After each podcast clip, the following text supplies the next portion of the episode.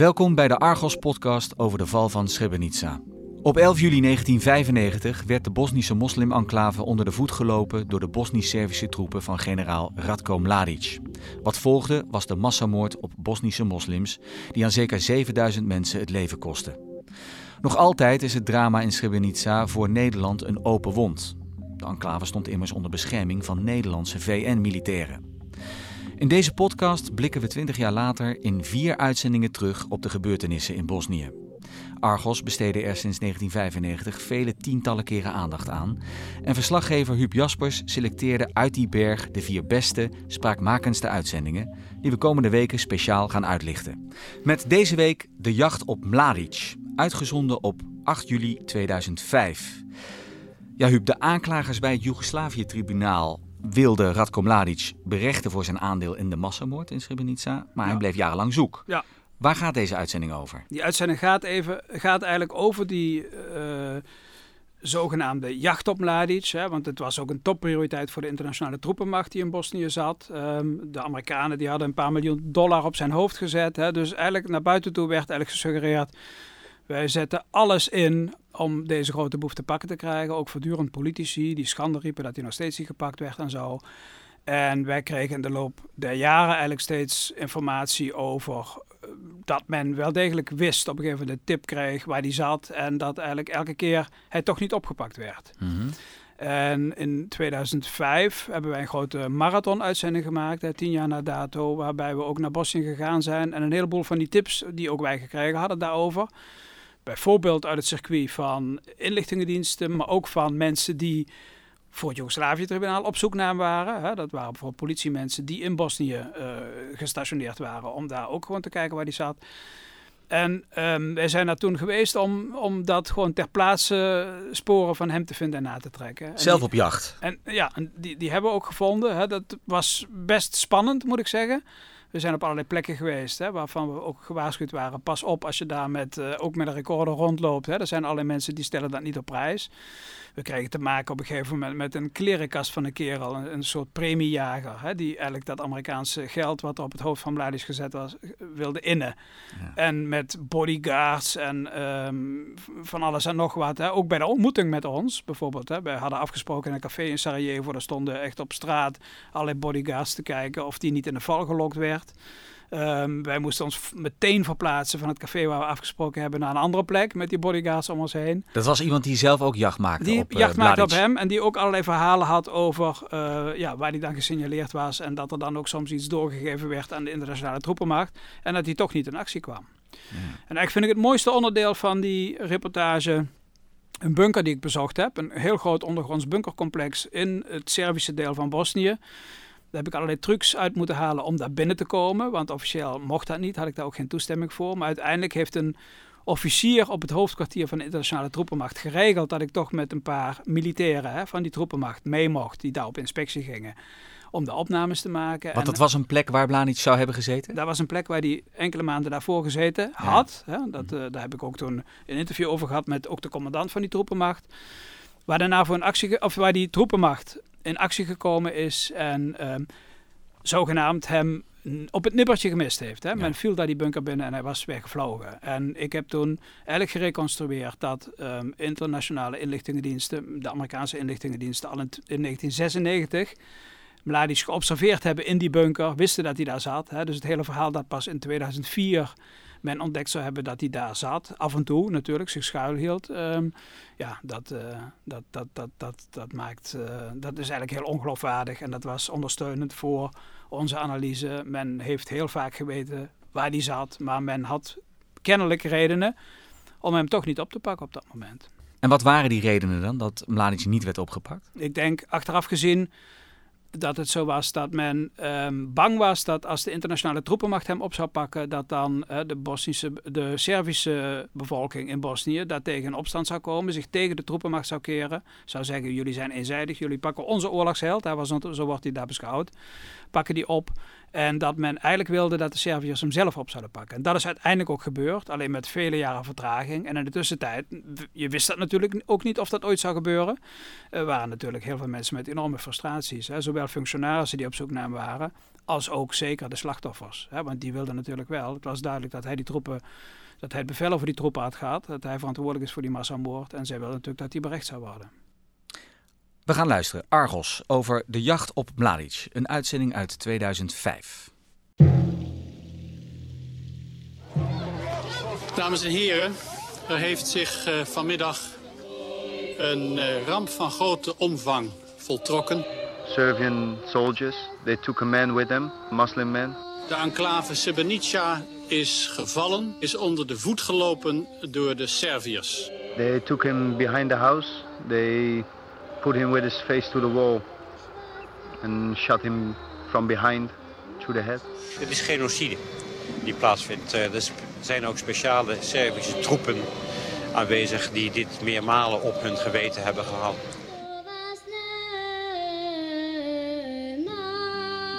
De val van de enclave Srebrenica en de moordpartijen die daarop volgden... vormen een dramatische gebeurtenis in de wereldgeschiedenis. In de allereerste plaats voor de vele slachtoffers en hun nabestaanden... en het onbeschrijfelijke leed dat zoveel heeft getroffen. Terugkijkend hebben we gefaald. Derhalve heb ik na zorgvuldige afwegingen besloten mijn ontslag aan te bieden.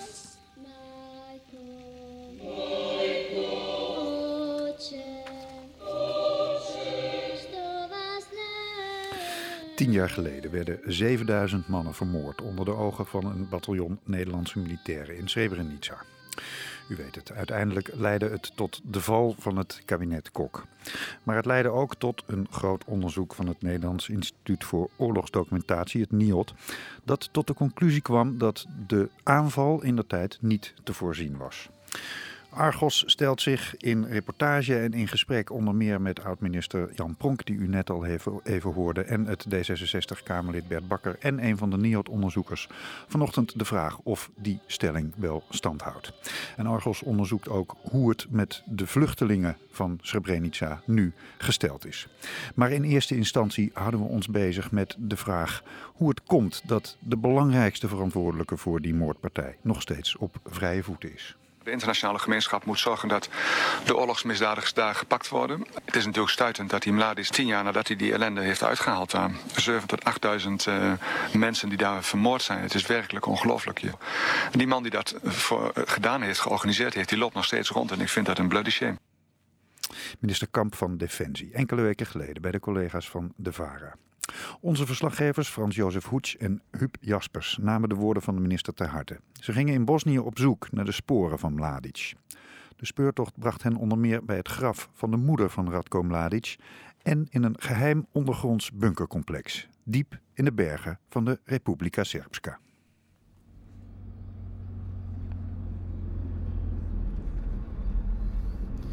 Met het monitoringteam eh, van EUFOR op weg naar de bunker in de buurt van uh, Han Piersak.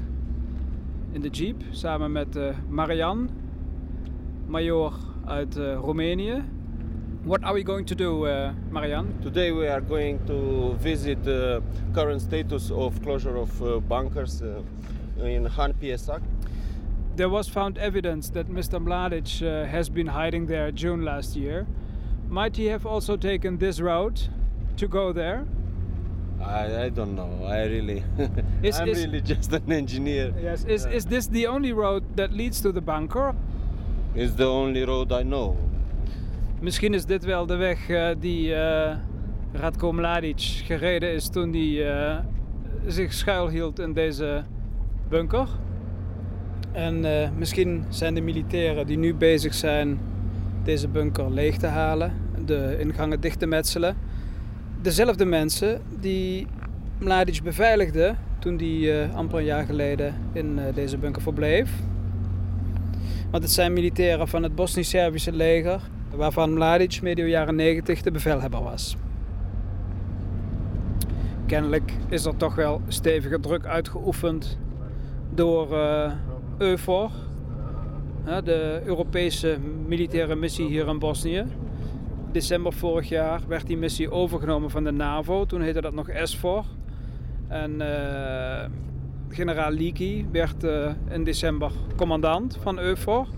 En vlak nadat hij aangetreden is, heeft hij dus ervoor gezorgd dat deze bunker gesloten werd. My name is General Leakey. Uh, although I'm a, British general, I'm appointed by the EU to command EU force, so I consider myself an EU officer. We took over formally from NATO, from S4, on the 2nd of December last year. Mijn naam is generaal Leakey. Ik ben een Britse generaal, maar ik ben door de Europese Unie benoemd als bevelhebber van EUFOR, de internationale troepenmacht in Bosnië. Daarom beschouw ik mezelf als een EU-officier. EUFOR heeft op 2 december 2004 het stokje overgenomen van SFOR, de missie hier in Bosnië, die jarenlang door de NAVO werd geleid. I consider it very much part of my mission to try and bring Mladic and Karadzic to justice in The Hague. Ik beschouw het als een belangrijk onderdeel van mijn taak om Mladic en Karadzic voor het Joegoslavië-tribunaal te brengen in Den Haag. In June last year, there was intelligence on which uh, S4 did act, and they raided uh, the bunker uh, at Han Pirsak. Vorig jaar juni waren er inlichtingen op grond waarvan S4 actie ondernam. Er werd een inval gedaan in de bunker in Han Piesak. I won't tell you by how much time they missed Mladic, but he wasn't there. Ik zal u niet vertellen hoeveel het scheelde, maar feit is dat Mladic er niet was. S4 had the intelligence, uh, it was good intelligence, but the intelligence was passed to them too late and Mladic had already moved. S4 had inlichtingen, het waren goede inlichtingen, maar S4 kreeg ze te laat doorgespeeld en daardoor was Mladic al vertrokken. I can tell you that Mladic was at Hampirsak, that S4 uh, conducted a very professional, well executed raid. Ik kan u verzekeren, Mladic was in Han Piersak. S4 voerde heel adequaat een zoekactie uit, maar toen de militairen aankwamen was Mladic niet aanwezig. There was plenty of evidence that they uh, had only just missed him. He was there in June last year. He was there in Hampirsak in June last year. Er waren tal van bewijzen dat ze hem op het nippertje hebben gemist. We weten zeker dat hij in juni 2004 in Han Piersak was. When U4 took over, I took a look at the Han facility, which was a, uh, uh, a reputed haunt of Mladic, which he'd been using for a number of years since the war. Toen EUFOR de missie van SFOR overnam en ik commandant werd, heb ik besloten dat bunkercomplex in Han Piersak nauwkeurig onder de loep te nemen.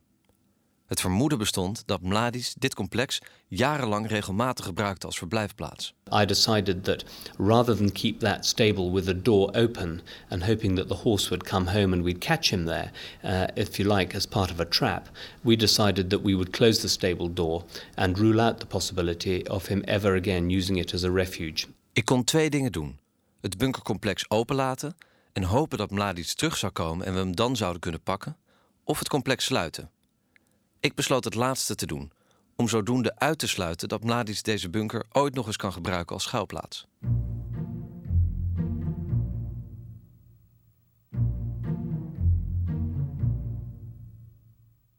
Marian is major in het uh, Romeinse leger, maar hij is ook uh, ingenieur. En hij heeft hier een gedetailleerde plattegrond van de bunker. It uh, looks big. How long is this, this long corridor here? I can approximate one kilometer galleries. So that's the complete village underground? Yeah, it is with full facilities uh, which we are going to close. Het is vanuit uh, Boetmier, waar we net vertrokken zijn, het hoofdkwartier van uh, Eufor, is het ongeveer anderhalf uur tot Han Piesak. En dan uh, is het nog zo'n 20 minuten over onverharde wegen door het bos.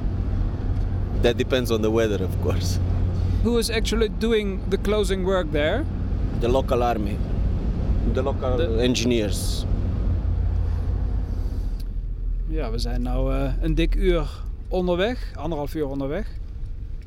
En uh, we zijn net aangekomen hier in het uh, plaatsje Han. Via de grote weg. En nu zijn we afgeslagen. Dan gaat het het bos in op zoek naar de bunkers. Nou, dit is inderdaad uh, een soort wandelpad. Onverharde weg. De bergen in. Niet bepaald comfortabel, zelfs in deze four-wheel drive. Niet makkelijk uh, om te rijden. En nou uh, hier een soort hek dat open staat en een uh, wachthuisje. Ik denk dat we langzaam in de buurt komen van het bunkercomplex. Een huis. Ziet eruit als een gewoon woonhuis.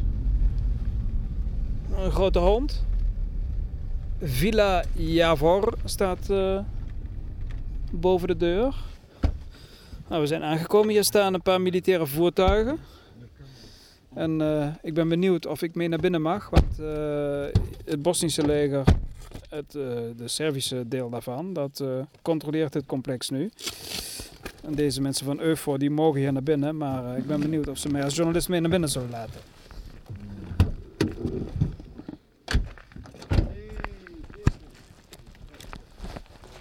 Nou, worden we gelijk begroet hier door een militair. Hello. I'm Huub. Hello. Zo. Nee, nee. Just not to ask anything. Okay. So. Do we need the torch? Ima. There is a torch. So we go. Nu uh, een soort uh, ingang lijkt, uh, lijkt een soort mijn. Watch your head. Yes. Bukken.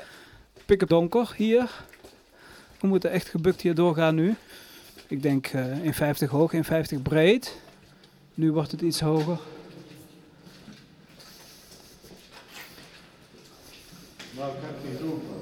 Hier zien we rechts uh, een aftakking waar uh, ineens de ingang uh, is dichtgemetseld. I will make a picture for this wall. Het is net pas klaar hier. En Marianne die moet hier nu ook foto's van maken dat het echt dicht is.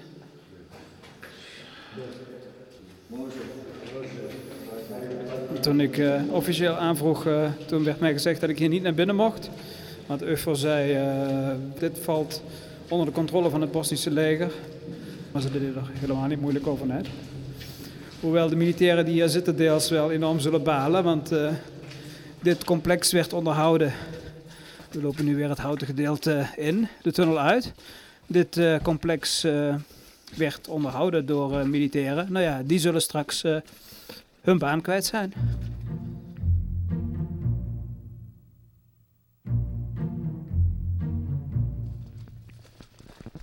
We zijn maar een klein stukje net die bunker ingelopen hè, om te kijken waar die afgesloten is. En op dat stukje hadden we al ongeveer 200 meter berg boven ons. From technical point of view, I can tell you this hill can protect the tunnel to resist for nuclear bombs. Hij zegt uh, deze berg waar die tunnel in ligt, die zou uh, een atoombom hebben tegengehouden. Zelfs in het geval van een uh, atoomoorlog had hier een groep mensen maanden probleemloos kunnen overleven. En uh, Marian zegt daarbij, from a technical point of view. Of course, dat is, because I'm an engineer. Want hij is, I've learned to build something like this. Dat is zijn vak en dat is ook het enige waar hij uh, commentaar op wil geven over de technische dingen. Ja, want hij wil zich er verder niet over uitlaten waar dit voor gebruikt werd ofzovoort.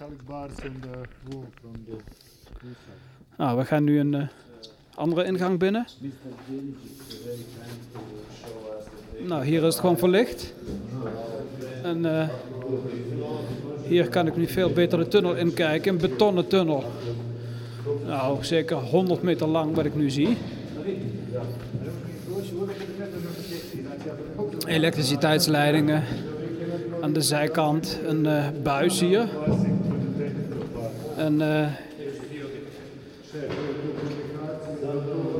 aan het einde van dit stuk tunnel opnieuw een deur. Een hele dikke deur nou, een halve meter dik. Nu gaan we een ruimte binnen die uh, lekker verwarmd is. Hier zijn de generatoren die met uh, behulp van diesel stroom opwekken. Ventilators, what I can see here. En hier ook twee hele grote machines. Dat is de airconditioning, zeggen de twee heren nu hier. En hier nu weer opnieuw uh, een hek wat net aangebracht is, wat zij ook moeten bekijken of dat goed uh, stevig dicht zit. Zodat uh, een ander gedeelte van de bunker inderdaad afgesloten is. Would you mind asking the captain? He's a captain? Yes. Yes. The captain, whether I may ask him a question? Tell me the question, please. Uh, the question is, was he working also when this bunker was uh, was running, or is he just new now here? I can tell you. Ja? Deze kapitein van het Bosnische leger. Ik wilde hem zelf een vraag stellen, maar uh, Marianne beantwoordt de vraag al, want dat hebben ze liever niet. Maar die werkte hier dus ook uh, toen de bunker nog draaide. Photographing these uh, pipes, what it means. If you want to delete, I delete. Da, It's digital. Da, izbriše, izbrisač. Ne, ne, nije, Er staat even de discussie over wat Marianne hier aan het fotograferen is. En de kapitein uh, van het Bosnische Servische leger die uh, vraagt waarom hij dat fotografeert. Kennelijk zijn er hele precieze afspraken gemaakt van wat ook gemonitord mag worden, wat hier gefotografeerd mag worden enzovoorts. He would like, he would like to excuse himself, but so far he had 10 cases when the official interpreter was giving a bad comment or bad translation. En de kapitein beklaagt zich nu ook over vertalingen die in het verleden niet helemaal correct waren. But not the blonde one, juga. De kapitein uh, lacht nu wel over een grapje, maar wel een beetje toch als een boer met kiespijn. Ik denk dat hij hier uh, dus inderdaad gewoon gewerkt heeft. En ik weet natuurlijk sowieso niet wat hij daarvan vindt dat dit hier allemaal gesloten wordt. Want uh, dat mag ik hem allemaal niet vragen. 16th of December, uh, we started an operation in which we closed down Han Pirsak and denied its use. Op 16 december vorig jaar begon Eufor een operatie waarbij we het bunkercomplex in Han Piesak sloten en het verdere gebruik ervan onmogelijk maakten. Dit betekent dat er een half jaar is gewacht voordat de bunker gesloten werd. Is dat gebeurd omdat verwacht werd dat Mladic nog een keer terug zou komen en dat hij dan uh, zou kunnen worden opgepakt? No, U4 started operations on the 2nd of December and uh, we closed Han Pirsak down on the 16th of December, just two weeks later. Nee, dat klopt niet. De Eufor-missie begon pas op 2 december. En op 16 december sloten we Han Piesak. Dus dat was slechts twee weken later. But you had an operation there already in, in June? Uh, that was under S4, the NATO operations. And uh, I can't comment on why NATO didn't close down Han Pirsek. De zoekactie in juni 2004 was een S4-operatie onder verantwoordelijkheid van de NAVO. Ik kan er geen commentaar op geven waarom de NAVO deze bunker niet heeft laten sluiten. But I can assure you they had very good reasons for not wanting to close down Han Pirsek. Ik kan u wel verzekeren dat de NAVO heel goede reden had om die bunker niet te sluiten. U wilt geen kritiek leveren op SVOR. SVOR liet die bunker in Han Piesak een half jaar lang open. U zegt, SVOR had daar destijds goede redenen voor. De enige goede reden die ik kan bedenken is dat men Mladic in de val wilde laten lopen. I'm not going to give you any information about why they were keeping that open, but uh, you can probably use your own imagination as to why they kept them open. Ik ga u geen informatie geven over de vraag waarom de NAVO die bunker openliet, maar u kunt uw eigen verbeeldingskracht gebruiken om een antwoord op die vraag te vinden. I can tell you that since the 2nd of December uh, 2004, whilst U4 has been here, Mladic has not used that bunker or any of the other bunkers because we have denied their use now and closed them down. Eén ding kan ik u wel vertellen. Sinds 2 december 2004, sinds Eufor hier zit, heeft Mladic deze bunkers niet meer gebruikt, omdat wij dit onmogelijk hebben gemaakt.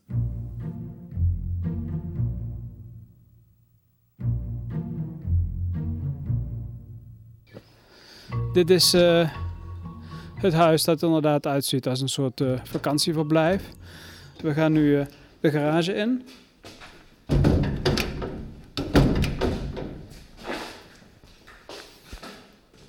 En gelijk aan het eind van de garage opnieuw een gigantische tunnel. Betonnen tunnel weer met buizen, elektriciteit, verlichting.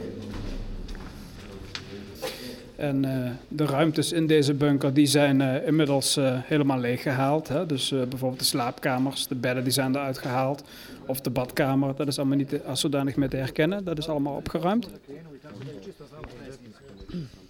My name's Bridget Rose, Lieutenant Colonel Bridget Rose from the headquarters at uh, U4 in Butmir Camp in Sarajevo. Ik ben luitenant-kolonel Bridget Rose van het hoofdkwartier van U4 in Butmir bij Sarajevo. I went there when it was in deepest winter, with the snow heavily on the ground. Ik ben in december in die bunker in Handpiersak geweest, in het diepst van de winter met een dik pak sneeuw. Inside the garage, there is a door at the back of the garage.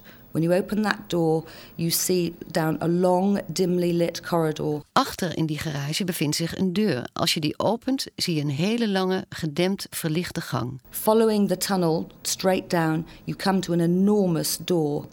And that is the entrance to the main bunker itself. Als je deze tunnel doorloopt, kom je bij een enorme deur. Dat is de ingang naar de hoofdbunker. Off those corridors are rooms, bunk beds, with beds actually made up in them. Conference rooms with comfortable leather chairs and large mahogany tables. A fully functioning telephone exchange, some cryptographic equipment, an enormous map room with thousands of maps in there. Naast die lange gang liggen tal van kamers, een aantal daarvan met stapelbedden, opgemaakt en klaar voor gebruik. Er zijn ook zitkamers met comfortabele leren stoelen en lange mahoniehouten tafels. Een goed functionerend telefoonsysteem, cryptoapparatuur, een ruimte vol met kaarten en natuurlijk ook een kamer voor de generaal zelf. And in there there's a large mahogany bed and, and a matching wardrobe with a sort of tiger skin cover on the bed and its own private bathroom. Daarbinnen stond een groot mahoniehouten bed met een uh, sprei daarop, uh, die eruit zag alsof het de huid van een tijger was, een bijpassende klerenkast. En uh, daarbij hoorde ook een eigen badkamer. Probably um, up to 100 people could live down there. And um, it looked like there was food supplies there for up to six months. Misschien wel 100 mensen konden in dat complex leven. Er waren levensmiddelen voorradig voor zo'n zes maanden. I went there in December of last year in, in the deep snow when it was extremely cold and stayed there for a, a whole day and, um, and talked to some of the people who um, were actually living and working up there because it was VRS soldiers who were actually guarding the installation. Ik sprak met een aantal van de mensen die daar woonden en werkten.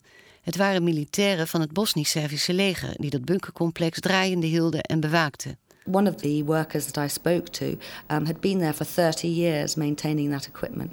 Een van de mensen waarmee ik sprak werkte al 30 jaar in die bunker. We did ask him whether he'd seen Mr. Mladic, but he uh, declined to answer that question. Wij vroegen hem of hij meneer Mladic had gezien, maar hij weigerde die vraag te beantwoorden. Is it correct that uh, NATO missed him only for 10 or 15 minutes?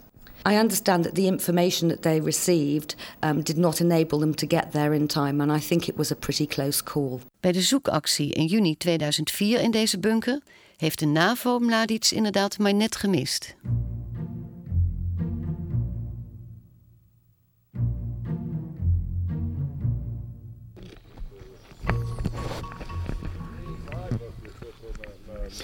Deze mannen zijn hier aan het werken. Dobar dan. Dobar dan. Hier weer een uh, ingang. Een uh, soort betonnen sluis. Een uh, dikke betonnen muur die we nou doorgaan door een metalen deur. En weer hetzelfde beeld. Een tunnel, ongeveer drie meter hoog.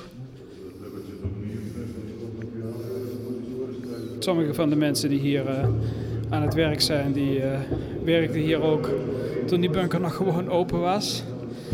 Horen gewoon bij het Bosnische leger. En uh, waren wellicht ook hier toen meneer Mladic zich hier verstopt heeft. Ik moet wel oppassen met het uitspreken alleen al van die naam. Want ik heb moeten beloven dat ik daar geen vragen over ga stellen. Deze mensen zouden me natuurlijk wel kunnen vertellen hoe vaak die hier kwam en hoe lang die hier zat. Maar ik denk niet dat ze me die vraag zouden beantwoorden. Want formeel uh, heeft het Bosnische leger deze bunker onder, beheer.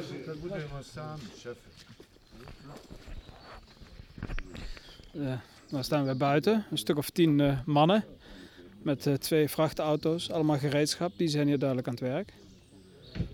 Dat wil zeggen, ze hebben nu even pauze of ze wachten tot wij klaar zijn en dan gaan ze verder.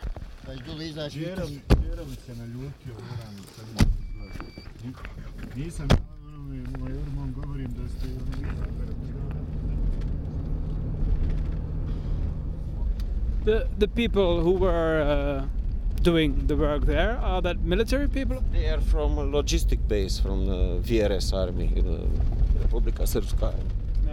De mensen die die werkzaamheden uitvoeren, dat zijn allemaal militairen van het uh, Bosnisch-Servische leger. Ja, toch een beetje bizar dat uh, nog een jaar geleden Mladic uh, hier in deze bunker zich schuilhield.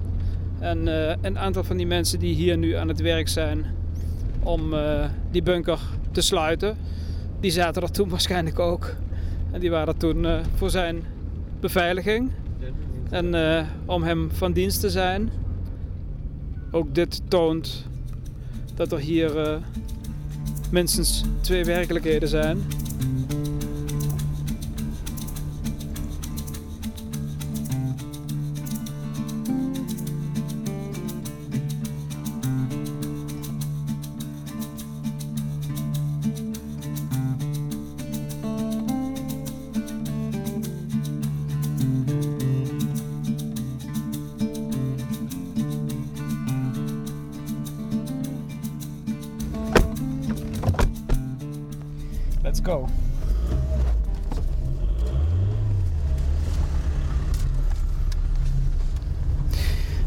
Weg naar de begraafplaats waar de moeder van uh, Radko Mladic begraven ligt. Uh, dat is in een dorpje hier vlak buiten Sarajevo. We hebben een verhaal te horen gekregen en dat uh, willen we op een aantal punten gaan checken. Voor in de auto zit mijn collega Frans naast onze chauffeur. En naast mij achterin zit onze tolk. En beide heren die willen liever niet dat ze met naam genoemd worden. Want uh, nou, wat we nou gaan doen, ze denken toch dat dat een beetje heikel is. Wij hebben van een bron te horen gekregen dat bij de begrafenis van uh, Stana Mladic, twee jaar geleden, in augustus 2003, dat Radko Mladic daarbij aanwezig zou zijn geweest.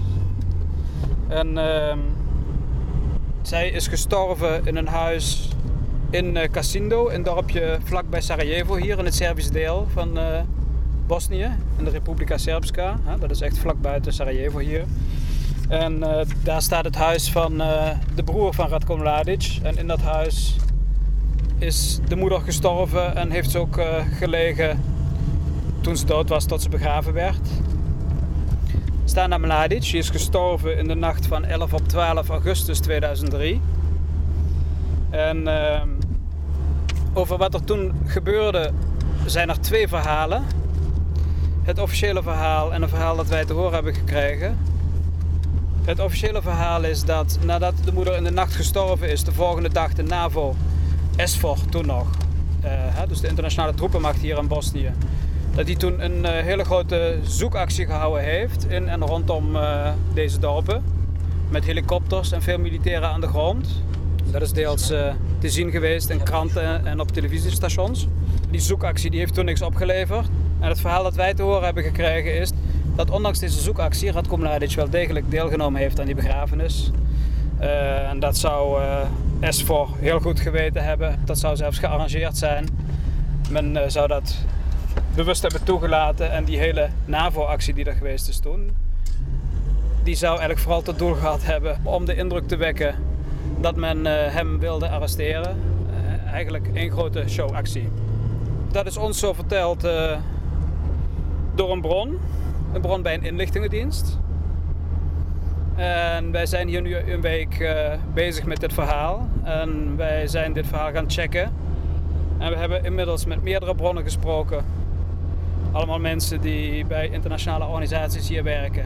En een aantal van die mensen die hebben ons bevestigd dat dat zo zou zijn gegaan. Maar wij moesten ze natuurlijk wel beloven dat we ze verder anoniem zouden houden. Want anders zouden ze ons dat nooit verteld hebben.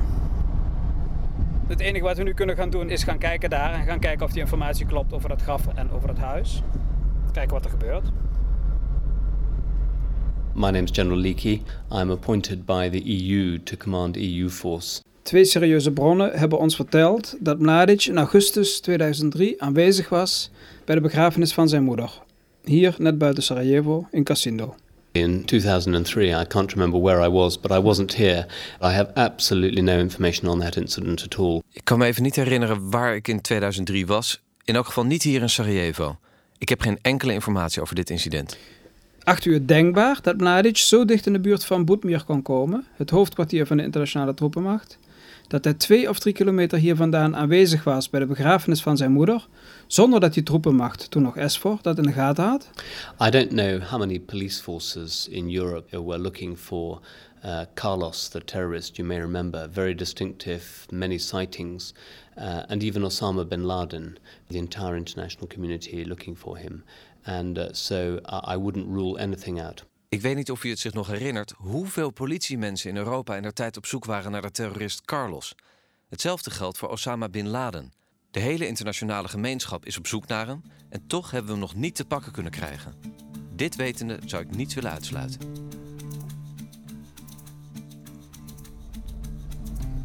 Ik heb mijn uh, opnamerecorder verstopt hier onder de bank. En ik heb een heel klein uh, microfoontje in mijn hand. We hebben afgesproken dat straks uh, twee van ons, hè, onze tolk en Frans, die gaan uh, naar buiten op de begraafplaats en die gaan kijken of ze het graf vinden. En ik zal in de auto blijven met de chauffeur. Unsere Informanten äh, haben uns bestätigt, dass der Friedhof, wo Mladics Mutter begraben ist, äh, möglicherweise beobachtet wird. Ja, hij zegt uh, dat uh, onze informanten, dat klopt inderdaad, die hebben ons gewaarschuwd. Het zou best kunnen dat het kerkhof uh, in de gaten gehouden wordt. Er zijn ook verhalen dat Mladic nu zich in deze buurt bevindt, ergens. Dat hij zich hier verstopt. Hij heeft veel vrienden en familie hier. Hij heeft hier bijvoorbeeld een van zijn grote financiers, een meneer Mandic. Die heeft hier heel veel tankstations. We reden net hier langs een van die tankstations van hem. En uh, het geld wat hij verdient, dat wordt deels gebruikt om Karadzic en Mladic uit handen van het Joegoslavië-tribunaal te houden. Die, die ganzen Polizeiautos haben alle von Mandic äh, Petrol haben die die Nummernschilder gesponsert. Die machen alle Werbung für Mandic Petrol. Die ganzen ja, heel opvallend hier. Al die politieauto's langs de kant van de weg, Servische politie. Dan zie je allemaal dat ze gesponsord zijn. Onder het nummerbord staat een soort reclame tekst Mandic Petrol. Bizar. We zijn nu uh, op zoek naar het huis van de broer van Mladic. Het huis waar zijn moeder gestorven is. Degene die ons uh, dit verteld hebben, die hebben ons precies beschreven waar het huis ligt en hoe het eruit ziet. Is dat zoals Frans? Daar is het, daar is het. Oh, hier is het huis, inderdaad. Ja. ja. Precies zoals het ons beschreven is. Am besten drehen und ja. dann können wir aus dem Auto raus ein Foto machen. En we draaien, we rijden even terug en dan uh, gaan we het even precies op bekijken. Hier een soort uh, winkeltje. Links een, uh, een klein appartementengebouw. Rechts een witte bungalow. En daartussenin uh, ongeveer 10, 20 meter terug. Va, va, va. Het uh, opvallend roze gekleurde huis van de broer van Mladic. Drie verdiepingen hoog, met een schuin dak. Gordijnen, waardoor je niet naar binnen kunt kijken.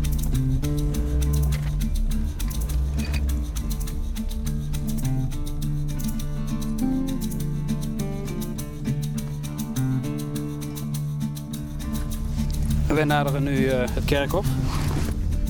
We zijn net uh, van de grote weg afgebogen. Rechts een klein straatje in.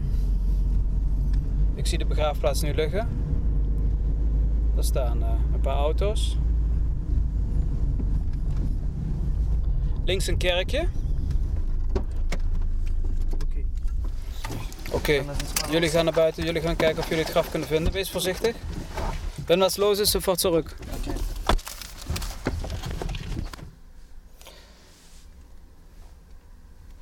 De begraafplaats ligt op een soort plateau, omgeven door uh, bergen. Ik zie nou uh, Frans en onze tolk zoeken naar het graf. Niet veel mensen te zien hier, een paar mensen bij die kerk. De toegang naar de begraafplaats, daar is een, uh, een klein wit huis. Daar staat wel iemand buiten te kijken. Nou komen een heleboel mensen uit de kerk. De dienst is uit, denk ik. Ik zie nou dat Frans allerlei foto's aan het maken is. Voor mij mag hij wel een beetje opschieten, want er komen heel veel mensen uit de kerk.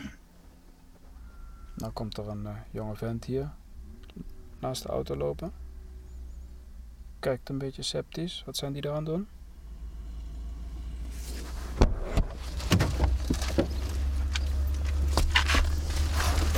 Hebben jullie het gevonden? Ja. Ist auch gleich das, das Grab von seiner Mutter, von seinem Vater. Dann kommt das, das Grab, äh, was offenbar für ihn freigehalten ist. Und dann kommt gleich das äh, Grab von seinem Bruder. Zijn moeder ligt daar begraven, ook zijn vader. Zijn broer ligt er ook begraven. En, en jij zegt het graf voor hemzelf is ook al klaar. Dat ja, ja, ist schon vorbereitet. Also genau der zwischen Vater und dem jüngeren Bruder ähm, ist das Grab für ihn schon vorbereitet. Het graf voor Radko Mladic uh, is al klaar. En uh, nou ja, dat betekent hoe het verder met hem zal gaan, hoe het zal aflopen met hem, dat weten we natuurlijk niet. Zal die ooit in Den Haag worden berecht? Wat wel zeker is, hij heeft hier zijn graf al. Hè? Als hij dood is, dan kunnen zijn vrienden en zijn nabestaanden die kunnen hier naar zijn graf toe. Die kunnen rouwen om hem. En dat in tegenstelling tot de duizenden moslims die vermoord zijn, waar hij verantwoordelijk voor is, in Srebrenica op andere plekken, die nog steeds verdwenen zijn, waar niemand weet hoe ze precies om het leven gekomen zijn en waar ze begraven liggen. Nou, uh, komen we weer bij het uh, kamp van Eufor hier, Boetmier. Een paar minuten rijden eigenlijk van uh, dat dorpje waar we net geweest zijn. Onvoorstelbaar dat Mladic hier op die begrafenis geweest is van zijn moeder. Enkele kilometers afstand van uh, de duizenden militairen die hier zitten en die uh, als een van de taken hebben om hem op te pakken.